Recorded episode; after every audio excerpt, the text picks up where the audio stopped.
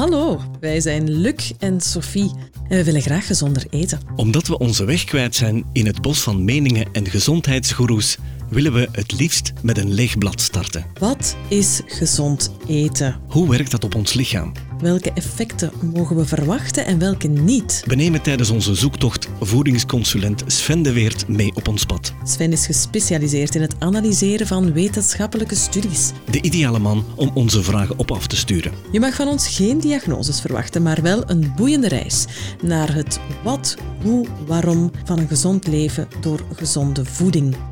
Welkom bij Beetweters.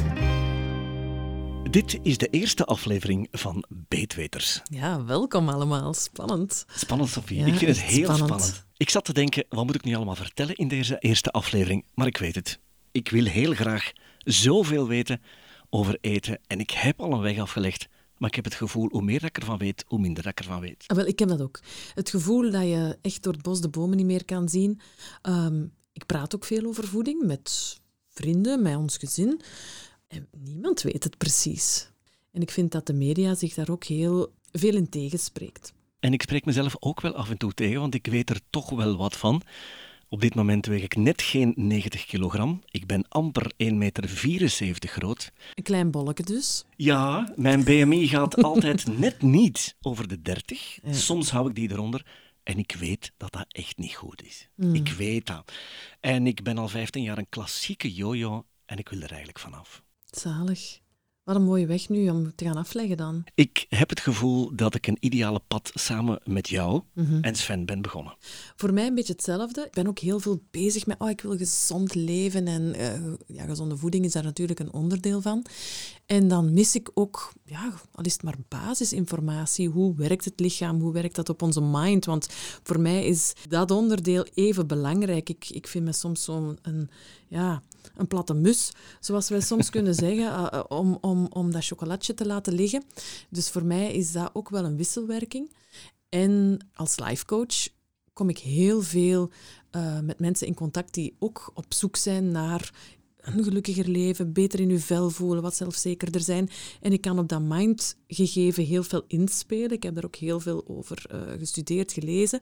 Maar ik weet dat gezonde voeding daar ook een heel belangrijk onderdeel in is. En ik wil dat veel meer gaan meenemen. Sven, wij leggen ons lot en onze interesses vooral in jouw handen. En eh, we kijken er naar uit om er een mooie reis van te maken, want eh, zo zie ik het wel. Welkom Sven. Eh, dank u. Wij hebben jou gevraagd omdat jij een voedingsconsulent bent. Zo hebben we in de introductie jou genoemd. Je hoort liever voedingsdeskundige. En wat ik graag van jou zou willen weten, hoe ben je zo ver geraakt? Wel, dat is een verhaal dat eh, eigenlijk een vijftiental jaar geleden begonnen is. En dat is begonnen door eigenlijk zelf een hele hoop klachten te hebben. Ehm, ik was vroeger eh, sporter, eh, intensief sporter. Ik was wielrenner ehm, op een vrij hoog niveau nog. Eh, en op een gegeven moment kreeg ik gezondheidsproblemen. En ehm, die gezondheidsproblemen werden zo erg dat ik op een bepaald moment eh, constant moe was, eh, overal pijn kreeg, constant griepig, eh, griepachtig gevoel kreeg. Ehm, dat ging zo ver, dus dat ik op een gegeven moment niet meer op mijn eigen benen kon staan. dat ik constant koorts had. Mhm. En toen werd zelfs de diagnose CVS gesteld. Ja, wat eigenlijk ja, een beetje een verzamelnaam is voor een hele hoop klachten waarvan dat ze niet echt een oorzaak kunnen vinden. Eh, ik heb toen het geluk gehad ehm, dat ik vrij snel bij een ortomoleculair arts ben eh, binnengeraakt, ehm, waar ze een aantal testen bij mij gedaan hebben, waar het bleek dat er toch wel een heel aantal zaken mis waren. En ik kreeg toen in plaats van de gewone klassieke medicatie die ik daarvoor al gekregen had, zaken zoals antidepressiva en antibiotica en andere dingen, ehm, werd ik ondersteund met voedingssupplementen. En moest ik ook mijn voeding gaan aanpassen.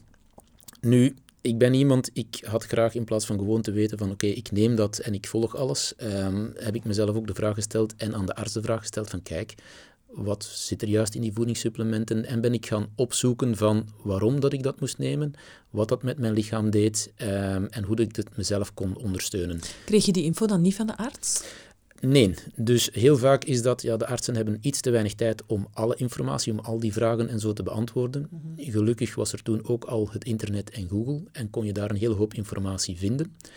En ik ben dus die weg opgegaan. En dat interesseerde mij enorm, uh, omdat ik eindelijk inzicht begon te krijgen in mijn eigen klachten en de rol van voeding, maar meer bepaald voedingsstoffen, vitamine, mineralen, um, die dat, dat allemaal in mijn lichaam speelde. En zo ben ik er eigenlijk terug, terug bovenop geraakt. Dus eigenlijk een hmm. beetje ja, mijn eigen moeten, moeten gaan genezen. Um, en dat, dat was, ik vond het zo leuk en zo interessant dat ik daarin verder ben gegaan. Ik ben tal van opleidingen gaan volgen. Ik heb eerst de klassieke voedingsleer gevolgd, niet als diëtist, maar gewoon voedingsconsulent. En ik ben dan verder gegaan in het ortomoleculaire. En het ortomoleculaire is eigenlijk, ja, hoe moeten we het zeggen, daar geloven ze dat de juiste voeding, de juiste voedingsstoffen ons lichaam kunnen ondersteunen en gezond maken en dat de foute voeding, de foute voedingsstoffen ons kan ziek maken. En dat ben ik gaan volgen, daar heb ik heel veel geleerd. Ik heb dat aan de lijven ook allemaal zelf ondervonden en ik ben dan ook die weg verder opgegaan. Want je zat wel heel diep. Ik zat vrij diep. Ik kon dus uh, echt waar letterlijk op een gegeven moment niet meer op mijn eigen benen staan. Mhm. Dus dat is vrij ernstig. Over welke herstelperiode spreken we dan? Is dat een kwestie van maanden? Heeft dat jaren geduurd? Wel, ik werd eerst ondersteund met uh, een aantal voedingssupplementen, een aantal baksters. Um, dat hielp vrij snel, omdat het lichaam meteen wordt ondersteund. Nu, het probleem was een beetje dat wanneer ik ging terug minderen met voedingssupplementen en baksters, dat dan vermoeidheid en bepaalde klachten sneller terugkwamen. En toen begon ik mij dezelfde vraag te stellen van oké, goed, uh, er moet ook nog wel een oorzaak zijn waarom dat mijn lichaam zo uitgeput is. Want eigenlijk wat er toen gebeurde was gewoon aanvullen wat er tekort was. Mhm. De vraag was van, ja, van waar komen die tekorten? En eens dat ik die oorzaak had gevonden, uh, dan is dat herstel vrij snel gegaan en dan spreek ik over enkele maanden. Dus een twee, drietal maanden. Maar eigenlijk ben je er dan bovenop gekomen alleen maar op basis van voedingssupplementen. Dus niet antibiotica's, antidepressiva. Nee, enkel met de natuurlijke zaken. De oorzaken van de tekorten, die heb je kunnen achterhalen. En zat dat dan ook op, op voedingsvlak? Of? Dat zat onder andere op voedingsvlak. Dus een van de zaken die dat je daar dan, of waar ik achter ben gekomen, is dat uh, bepaalde zaken die wij eten, uh, in plaats van ons lichaam te ondersteunen, energie te geven, eerder energie gaan roven en ervoor zorgen ja, dat we enkel maar moe worden en ziek worden. En wanneer dat je die vervangt door andere zaken, gezondere zaken, dat je dat lichaam dan teruggeeft wat het nodig heeft. En dat maakt een enorm verschil. Er zijn natuurlijk ook nog andere uh, oorzaken geweest en die zijn bij iedereen die met dezelfde klachten zit, uh, kunnen die verschillen. Uh, maar ik denk dat dat iets is waar we dan eventueel later nog wel kunnen over spreken, want anders dan zijn we binnen een paar uurtjes nog wel voilà. bezig. Maar je hebt al wel een beeld van um, jouw achtergrond en dat je eigenlijk al als ervaringsdeskundige ook kan spreken. Hè? Uh, ja, ik heb vrij veel zaken op gezondheidsgebied zelf meegemaakt. Helpt dat in, jouw uh, in jouw job als voedingsconsulent? Ik krijg uh, vrij veel mensen met, met bepaalde klachten waarvan ik weet en, en zelf kan aanvoelen van goed, die zaken heb ik ook zo mhm. gehad, waarvan dat je dan kan zeggen van goed, um, dat kan, kan die en die oorzaak hebben. Ja, ja. En ik kan me voorstellen als patiënt om die erkenning of herkenning te krijgen, dat dat ook wel deugd doet. Wel ja, ik, ben, ik, was, ik weet hoe ik zelf was. Ik was zelf op een gegeven moment heel blij dat, uh, dat er toch zaken gevonden werden en, en dat het dus uh, niet zoals dat ik uh, een tijdje gedacht heb, ja, aan mezelf lag van, hè, want er werd, er werd bloedonderzoek gedaan. In het traditionele bloedonderzoek werden geen abnormale zaken vastgesteld. Mm -hmm. Dus ja, dan is het zoiets van, ja, ligt het dan niet aan mij? Ben ik me niet aan het inbeelden? Ben ik misschien niet te kleinzerig? En dan blijf je maar verder gaan en verder doen tot het uiteindelijk absoluut niet meer kan. Hè. En dan ben je op een gegeven moment heel blij dat ze toch iets vinden en dat je zegt van oké, het, het lag niet aan mij, er zijn wel degelijk zaken mis. En misschien ook blij of dankbaar, het is, het is natuurlijk geen fijne periode, maar dat uw lichaam zelf aangeeft van stop, hier is iets niet oké, er, er is eigenlijk een fout patroon ontstaan waar dat we echt moeten een bocht van, uh, van 180 graden voor nemen. Ja. ja. Ik vind dit wel een heerlijke introductie. Van topsporter tot CVS-patiënt. Dan moeten we eigenlijk zo verantwoord zijn om te zeggen: Sven, wat doe jij dan vandaag? Waar kan jij ons overal mee naartoe nemen? Wel, uh, mijn interesse in, in de voeding en de gezondheid gaat heel breed. Mm Dus dat gaat van, van het gewone voeding en uh, ondersteuning van sporters. Want ik ben zelf sporter geweest. Van oké, wat moeten sporters nu wel of niet eten om bepaalde sportieve doelstellingen te halen? Gaande van gewichtverlies tot spieren bijkomen, tot sportprestaties, uithouding, zo van die zaken. Maar dat gaat ook naar andere uh, gezondheidsaspecten. Dus bij de gewone mens van ik heb last van vermoeidheid of ik heb last van die en die problemen. Ik heb een opgeblazen gevoel als ik iets gegeten heb. Ik heb buikpijn. Dat gaat echt breed. Betekent dat dan dat jij sporters begeleidt met resultaat? Dat doe ik dagelijks. Dan, zit, dan zitten wij wel op de juiste weg. Nee, maar ik ben geen sporter. Ah, ja. Dus mijn, mijn extra vraag was al meteen van ook niet-sporters, toch Ook niet-sporters. Ik vind zelfs de niet-sporters interessanter dan ja, de sporters. dat zijn wij, leuk. Ik wil heel veel weten. Ik ben bereid om heel veel experimenten uit te voeren. Dus daag mij maar uit. En ik wil nu eens voor eens en voor altijd de gezonde tour opgaan. Want ik was de laatste 15 jaar niet zo goed bezig. Oké. En dan denk ik, en ik kan me voorstellen dat dat voor de luisteraars ook wel welkom is, dat we eens echt met een leeg blad beginnen. Mijn eerste vraag is eigenlijk, wat is gezonde voeding? Of wat is gezond eten? Wel, dat is eigenlijk al een moeilijke vraag. Oké, sorry. Want, nee, maar ik zal eventjes, wat is gezond eten? De meningen zijn daar heel over verdeeld. Mhm. En ik denk dat dat ook een beetje een probleem is van de meeste mensen nu. Want ze horen langs de ene kant van je moet dat eten, want dat is gezond. En dan horen ze dan weer iets anders van nee, je moet dat eten, want dat is gezond. En, Mhm. en de ene spreekt de andere tegen. En daar weten mensen het niet meer. En op een gegeven moment, moment hebben mensen dan zoiets van oké, dan, dan ja. Het is Never toch mind, allemaal- nee. toch maar de frieten dan. Ja, ik doe mijn eigen ding, want het is toch altijd iets. En als we naar dat moeten luisteren, dan mogen we niets meer eten. Mhm. En dat is iets waar dat, denk ik, veel mensen schrik van hebben. Dat hetgeen wat ze nu dagdagelijks eten, als we daarvan gaan zeggen van ja, dat is toch niet zo gezond, ja, dan ontnemen we ze iets, een beetje plezier eigenlijk, en dat horen we liever niet. Het is een beetje zoals de roker, waarvan dat we weten van roken is niet zo gezond. Wel, elke roker kent wel iemand die dat heel oud geworden is zonder problemen te hebben van het roken. Ja, dan hangen we vast aan die uitzonderingen. Hè? Ja, zodoende dat we toch maar niet moeten veranderen. hè. Klopt. Daar ben ik naar op zoek, Sven. Hoe kan ik dat voorkomen? Want ik weet als ik een pizza eet dat dat niet oké is. En dat ik er s'nachts waarschijnlijk van wakker word met buikpijn in de maag. Maar op dat moment is dat zo lekker. Ja, dat klopt. Dat is het probleem een beetje. Dat voeding eh, momenteel niet meer is iets dat ons lichaam energie geeft, de juiste, eh, de juiste voedingsstoffen en de juiste bouwstoffen geeft, maar dat eigenlijk voeding iets geworden is dat onze hersenen een leuk gevoel geeft, een beloningsgevoel geeft, waardoor we ons goed voelen. En dat is het probleem voor de meeste mensen. We weten wel van, oké, dat is niet juist, maar we kunnen er toch niet afblijven. Is dat die voeding die ons een beetje troost dan? Dat is een, een ander woord voor. Dus eh, onze troostvoeding geeft ons een goed gevoel. Ik heb dat eens ergens gelezen, nu herinner ik het mij. Dat is die troostvoeding. Oké. Sven, waar beginnen we? Wel, ik denk dat het misschien niet slecht is als we gewoon beginnen bij het begin. En dat wil zeggen van, kijk, wat eten we eigenlijk? Mhm. En als we daarnaar gaan kijken, dan kunnen we al hetgeen wat wij opeten of opdrinken, onderverdelen in drie grote groepen. Ja? En die drie grote groepen zijn de koolhydraten, de eiwitten en de vetten. Aha. We kunnen daar nog een klein ander groepje bij zetten, of misschien voor sommige mensen niet zo klein. We hebben ook nog de alcoholgroep. Dat is ook nog iets wat er soms dagdagelijks binnenkomt. Oeps. Ah, Ja. Oké, dat is echt een aparte vierde categorie. Wel, eigenlijk hoort dat niet tot de dagdagelijkse voeding. Nee. Dus, eh, en het is zelfs zo dat alcohol eh, het nieuwe roken aan het worden is. eh, en dat eigenlijk elke consumptie van al- alcohol er eentje te veel is. Dus alcohol hoort niet bij onze dagdagelijkse voeding, maar levert ook wel een vorm van energie aan ons lichaam. En is iets wat we dagdagelijks kunnen opeten of opdrinken. Minder drinken. Schrijf je dat op? Minder alcohol drinken. Ah ja, minder ja, alcohol. ja. Mag ik jou elke week lastigvallen met een probleem waar ik mee zit? Dat mag. En onze luisteraars misschien ook. Het zou fijn zijn, dames en heren, eh, jongeren die luisteren. Stel dat jullie vragen hebben, shoot. eh, je kan ons bereiken via onze social media en dan gaan we dat meenemen in de volgende afleveringen. Heerlijk. Dus Sven, de drie slash vier groepen. Ja, dus we hebben de koolhydraten, we hebben onze eiwitten en we hebben onze vetten. En die zaken die dat we opeten of opdrinken, die hebben we nodig voor ons lichaam, voor energie te leveren of voor bouwstoffen te leveren. Dus eigenlijk zijn dat de zaken die we nodig hebben om gewoon ons lichaam in gang te houden. Nu, die drie groepen, waar zitten die in en waarvoor hebben we die juist nodig? Dat is hetgeen wat heel veel mensen eigenlijk al niet meer weten.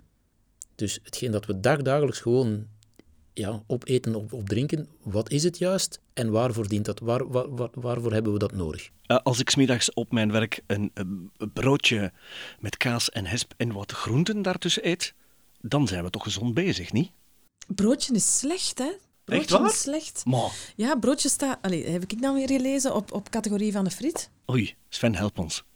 Dat is al een moeilijke. Broodje is slecht, hangt er vanaf aan wie dat we dat vragen. Het brood zelf, hè, dat broodje, dat afgebakken broodje van de broodjeszaak. Ja, oké, maar dat vleesje en dat kaasje daartussen en die groenten, de mayonaise, ja, dat maakt het lekker, maar... Ik zal misschien de vraag anders stellen. Je eet, Luc, je broodje met kaas en hesp. Wat zijn we nu aan het eten? Want we hebben het over koolhydraten, eiwitten en vetten. Goh, ja, een broodje, maar voor de rest... Broodjes zijn de koolhydraten toch, hè? En dan de, Kaas en de eiwitten, denk ik. en de vetten in de mayonaise. Dan hebben we nog de groenten. Die maken dan veel goed, neem ik aan. Ja, die maken heel je broodje ineens eh, helemaal goed, Luc. Oké. Dus nee, jammer genoeg niet. Hè? Nee, maar eh, als we dus eventjes misschien het broodje, inderdaad, broodje, kaas, hesp, eh, gaan nemen, de drie groepen. We hebben onze koolhydraten, we hebben onze eiwitten, we hebben onze vetten. Koolhydraten, waarvoor hebben we die nodig? Wel, koolhydraten leveren ons lichaam energie. Dus een koolhydraat is een energiebron. Dit ga ik al zeker meepakken. Koolhydraten is gelijk aan energie. Ja, maar voor wanneer? Oei. Eigenlijk heeft ons lichaam twee soorten energiebronnen. Onze koolhydraten en onze vetten zijn een energiebron voor ons lichaam. Nu, ze kunnen alle twee energie leveren, maar voor wanneer? Eigenlijk is vet de energiebron voor ons lichaam voor al hetgeen wat we doen in een niveau rust. En met een niveau rust bedoel ik eigenlijk zolang als dat we niet aan het hijgen zijn. Dus alles tot onder het niveau hijgen, dan gaat ons lichaam energie voorzien eh, in de vorm van vetten. Het hijgniveau. Dat is wel, vind ik een goede, een toevoeging aan onze podcast. We zitten met een hijgniveau. Oké. Ja, dus het hijgniveau. Dus dat wil zeggen van kijk, we zitten hier nu alle drie op onze stoel. Ja? Alle energie, dus alle calorieën die dat we aan het verbranden zijn, die zouden in theorie uit vet moeten komen. Omdat we in rust zijn.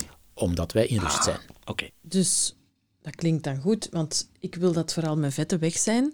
En nu rust ik en ze gaan weg uit mijn vetten. Jij zou nu alle energie die dat je verbruikt, zou inderdaad uit vetverbranding moeten eh, voortkomen. Het enige nadeel is dat je momenteel heel weinig energie verbruikt, dus je gaat ook heel weinig vet verbruiken. 1 gram vet vanuit de voeding levert 9 calorieën. Want alle energie die dat wij verbruiken of opeten, we hebben daar een term voor gekozen om te kijken van hoeveel energie zit er nu in iets in, en dat zijn de calorieën. Dus we tellen in calorieën. 1 gram vet levert ons lichaam 9 kilocalorieën. Dus, en die gaan we verbruiken zolang dat we in een niveau rust zijn. wil zeggen, we zitten hier nu, we zijn nu calorieën aan het verbruiken. Normaal gezien, een lichaam in rust, als het metabolisme werkt zoals het zou moeten werken, verbruikt iedereen 1 kilocalorie per kilogram lichaamsgewicht per uur. Dat wil zeggen dat iemand van 50 kilo 50 calorieën per uur verbruikt en iemand van 100 kilo in theorie 100 calorieën per uur verbruikt. Dat klinkt goed. En ik bedoel, dan denk ik, oh, het, het gaat al door niks te doen. Door niks te doen verbrand je calorieën. Waarom? Omdat je bent niks aan het doen, maar ons lichaam is nog altijd wel... Er zijn een hele hoop processen bezig in ons lichaam. We zijn onze temperatuur eh, op niveau aan het houden. Je bent aan het verteren, je bent aan het ademen. Dus wij zijn energie aan het verbruiken. Bekijk dat een beetje zoals een auto. Van het moment dat je de auto start, je hoeft nog niet te rijden. Dus die staat gewoon stationair te draaien, zoals we dan zeggen. Die is ook aan het verbruiken, alleen niet veel. Maar als je die heel lang zou laten draaien, is op het einde ook wel de energie op. En als wij dus in rusttoestand zijn, dan verbruiken we onze vetten. En het wordt pas vanaf dat we beginnen te bewegen, de koolhydraten. Wel, het is zo dat, neem nu, we, zijn nu, we zitten hier nu, hè, dus we verbruiken een heel klein beetje energie. Neem nu, we staan recht en we beginnen te wandelen, dan gaat ons energieverbruik naar omhoog gaan. Dus we gaan meer energie verbruiken dan we nu aan het doen zijn, maar die energie komt nog altijd uit vet. Dan zeggen we van, kijk, we gaan het iets sportiever maken. In plaats van wandelen gaan we joggen. Dus we zijn aan het joggen, is nog altijd vetverbranding. Tot aan het niveau hijgen zijn we vet aan het verbranden. Waarom? Omdat ons lichaam om vet te verbranden voldoende zuurstof nodig heeft. Dat is ook de reden waarom dat mensen die gaan sporten en naar de fitness gaan, als ze zeggen van kijk, je doet dat om eh, af te vallen, die moeten gaan sporten aan een lage intensiteit, want dan zijn ze vet aan het verbranden. Klopt. Ah, Vandaar.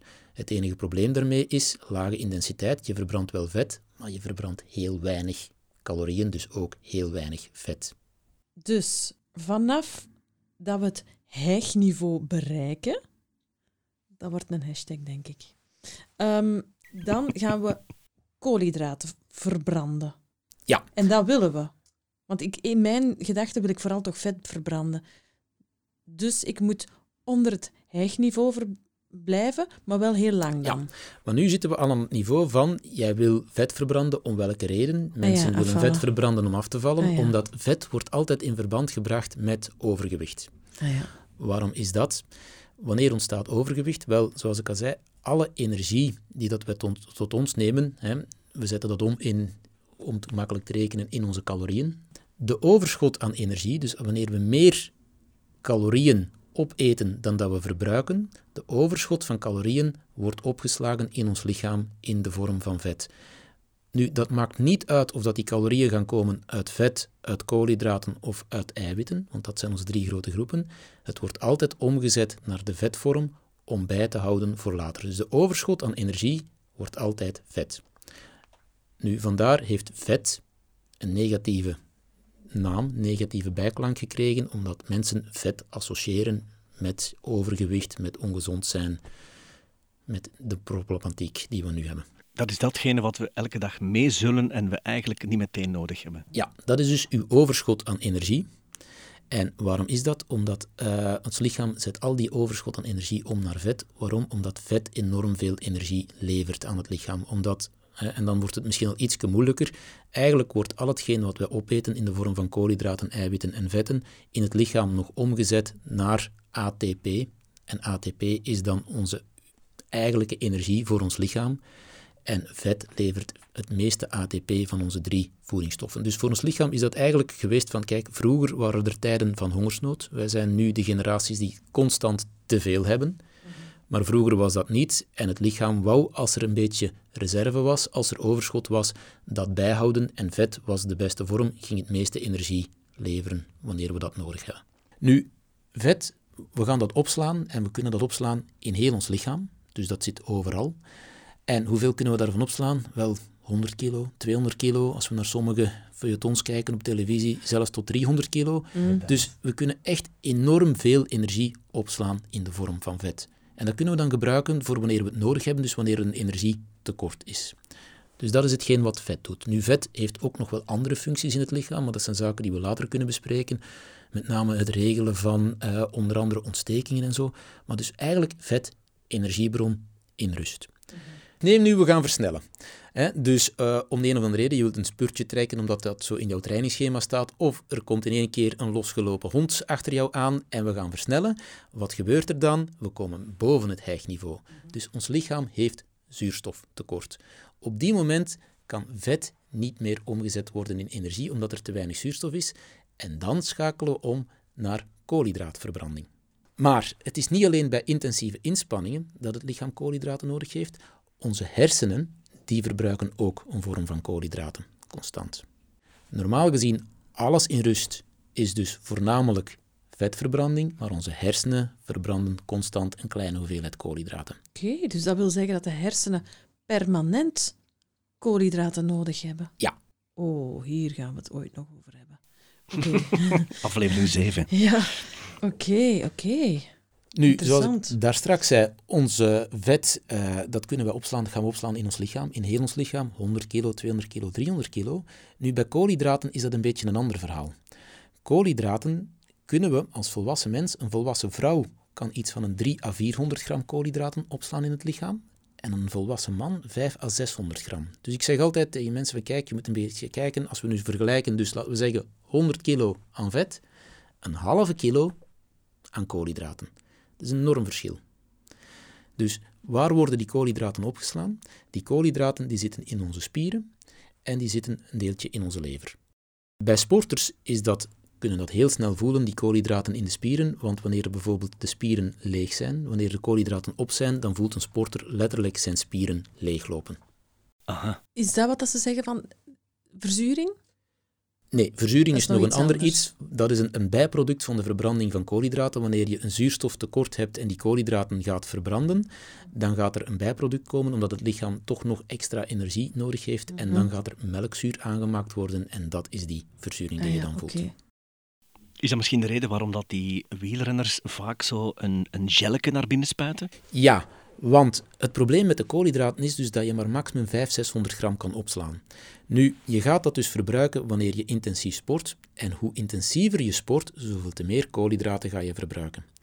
Nu, die 500, 600 gram, dat is maar een beperkte hoeveelheid. Op twee uur tijd, twee uur intensief sporten, zijn je koolhydraten op. Dan zijn dus de benen leeg, de spieren leeg, de kracht is weg, de explosiviteit is weg. Wat je dan ook gewoonlijk hebt als de koolhydraten ineens helemaal op zijn, is dat dus de hersenen eventjes tekort hebben aan energie. En dan is het fameuze eh, de man met de hamer verhaal. Dus dan begint het ook een beetje te duizelen rond het hoofd. Dan kan je niet goed meer concentreren. Die zaken gebeuren dan. Dan wordt het gevaarlijk, met andere woorden. Eh, ja, dus maar mensen, ook mensen die niet sporten, die hebben regelmatig wel eens een keertje dat ze voelen van oei, de koolhydraten zijn hier vrij leeg. Of ja, wat we dan hebben is de bloedsuikerspiegel, maar dat is ook al een ander verhaaltje waar we dan later nog over kunnen hebben. Dan hebben die hersenen eventjes eh, een tekort aan energie, dan lukt de focus zo niet meer, dan eh, begint het een beetje minder goed te functioneren in de hersenen. Maar dus die koolhydraten, op twee uur tijd kunnen die volledig op zijn. Als je dus een inspanning wil doen, een intensieve inspanning van langer dan twee uur, dan is het voor sporters nodig om tijdens die inspanning koolhydraten aan te vullen. Doen ze dat niet, van het moment dat ze op zijn, moet het lichaam dan teruggaan naar die vetverbranding, want de koolhydraten zijn op. Om vet te verbranden heb je zuurstof nodig, dus die inspanning, je kan geen hoge hartslag meer halen. Die inspanning moet een heel stukje lager zijn. Maar dan spreken we over alle activiteiten boven het hijgniveau. En dan denk ik meteen aan onze zittende beroepen. Wel, dat is een van de zaken die dat we nu momenteel hebben. Dus mensen staan 's morgens op, eh, nemen de auto naar het werk, en zitten een hele dag op het werk, nemen de auto terug naar huis en dan ploffen we onszelf neer in de zetel. En zelfs in deze periode, want we zijn, dames en heren, mid-april 2021, werkt de helft van de bevolking van thuis uit. Dus dan is het hoogstens nog van bed naar de tafel en terug. Ja, dus er wordt eigenlijk nog heel weinig koolhydraten verbruikt. En toch is het grote probleem als mensen de koolhydraten minder gaan eten, dat ze merken van het lukt niet meer. En dat is omdat heel veel mensen overgeschakeld zijn, eigenlijk al van kinds af aan, op een voedingspatroon dat hoog is in koolhydraten. En een lichaam past zich altijd aan. En heel veel mensen draaien in plaats van op vetverbranding een hele dag op koolhydraatverbranding. Ah wel, maar laat ons afspreken dat dat aflevering 2 wordt. Ik stem voor. Oké, Dan zitten we bij onze laatste categorie eigenlijk, en dat zijn onze eiwitten. Nu, eiwitten zijn eigenlijk geen brandstof voor ons lichaam. Dus de vetten en de koolhydraten wel, dus dat is de brandstof, leveren ons energie. Een eiwit is een bouwstof voor een lichaam. Nu, mensen, sommige mensen eh, denken al wel, vooral de sporters denken aan eiwitten als bouwstof, want ze weten van, ah, ik heb die eiwitten nodig voor sterke spieren te krijgen. De sporters gaan bijvoorbeeld eiwitsupplementen nemen eh, om spieren op te bouwen. Vooral mensen die naar de fitness gaan, gaan extra eiwitten nemen om sterkere spieren te krijgen. Maar eiwitten is niet alleen om sterke spieren te krijgen, eiwitten doen alles in ons lichaam. Dus de, de aanmaak van onze enzymes, aanmaak van hormonen, onze, onze botten, onze nagels, onze haren, alles is eiwit. Wauw. En het lichaam kan, als het nodig is, een eiwit ook gaan gebruiken als brandstof. Dus als we echt extreem tekorten hebben, dan kunnen die eiwitten ook gebruikt worden als brandstof. Maar het lichaam doet dat liever niet, omdat het zo belangrijk is, dat eiwit, eh, voor ons lichaam, om alles terug aan te maken, op te bouwen, eh, te voorzien voor herstel. Die zaken, daar hebben we allemaal eiwit voor nodig. En hebben we daar veel eiwit voor nodig? Of? Wel, momenteel wordt er gezegd van kijk, eh, je hebt als gewone volwassen mens 0,8 gram eiwit per kilogram lichaamsgewicht nodig. Makkelijk voor de meeste mensen thuis om eventjes uit te rekenen. Ik zie Luc, Luc al denken aan hoeveel eiwit dat hij nodig heeft. Luc, hoeveel heb je nodig? Wel 0,8 maal 90, hè? 72 zeker. Nu, die 72, dat is iets, hè, want waar, waar zitten dan de eiwitten in? Hè? Ja. Wanneer ik dat vraag aan de mensen, waar zitten eiwitten in? Dan zeggen ze eitjes. Wel, eitjes, Luc. En hoeveel eiwitten zit er in een eitje, Luc? Ehm, ik heb geen flauw idee. Wel, dat is 6 gram ongeveer. Ja, dus als we dan aan, hoeveel moest je? 72? Oei. Luc, dan heb je een aantal eitjes nodig. 12. Ja, Nu, over hoeveel eitjes dat je mag gebruiken per dag, daar gaan we het nu niet over hebben. Mhm. Daar zijn de meningen ook nog over verdeeld. Ehm, maar in eitjes gaan we het niet halen. Nu, welke producten bevatten nog eiwitten? Uh, dat zijn vooral de dierlijke producten. Dus, en dan spreken we over de kaas en de hesp die dat in jouw boterham zat. Daar zuivel. Zitten, ja, de zuivelproducten. Daar zitten eiwitten in. Nu, zuivelproducten is ook nog niet zo gigantisch veel. Dus als we naar de melk en zo kijken, zitten we maar aan 3 à 4 gram eiwit per 100 gram. Dus moet je nog altijd vrij veel eten om daaraan te geraken. Maar de beste bronnen van eiwitten zijn vis en vlees. Of Mm. dan hebben we tegenwoordig voor de mensen die het liever vegetarisch houden, dus de vegetarische, de vleesvervangers, die zijn ook hoog in de eiwitten. Nu, gemiddeld gezien zit vis en vlees op een eh 30 gram, 20 à 30 gram eiwit per 100 gram. Een tas melk. Wat levert mij dat? Een tas melk is iets van een 250 milliliter eh, melk dat erin zit. Als we rekenen à 3 à 4 gram eiwit, dan spreken we van een 10 gram eiwitten in een tas melk. Ik drink dat soms wel eens graag, als dat echt cool is. Ook in amandelmelk? Eh, nee, dus de plantaardige eh, vervangers van, die zijn minder in de eiwitten, minder hoog in eiwit. Ehm, omdat dat eigenlijk ja, geen eh, dierlijke bron meer is. Dus, hè, want er zijn mensen die zeggen van kijk, we mogen dat geen melk meer noemen, dat is eerder sap. Maar we noemen dat amandelmelk, we noemen dat rijstmelk, havermelk, maar dat is eigenlijk geen melk. Maar dat gaan we wel te weten komen in die specifieke aflevering over eiwitten. Absoluut, kijk er al naar uit. Oké, even terug naar het basisverhaal. Hashtag hijgniveau. Onze eiwitten, ze zijn nodig. We gaan ze uit voeding vooral halen. Enkel uit voeding halen. Wel, zoals ik al zei, er wordt aanbevolen om als gewone volwassen mens 0,8 gram eiwit per kilogram lichaamsgewicht. Nu, dat is een, een, een, getal dat haalbaar is voor de meeste mensen. Ik bedoel, als we een gewoon stuk uh, vis of vlees bij onze warme maaltijd eten, als we bijvoorbeeld de kaas, de hesp, uh, de yoghurt en zo, dan komen we wel aan die getallen. Voor sporters wordt dat wat moeilijker. Um, daar gaan ze in bepaalde omstandigheden richting 2 à 3 gram eiwit, al naar gelang welke bron dat we gaan volgen. Maar laten we zeggen, een 2 gram eiwit per kilogram lichaamsgewicht, dan wordt het al een beetje moeilijker. Vandaar dat sommige sporters of een heel aantal sporters uh, eiwitten gaan als supplement extra bij gaan gebruiken.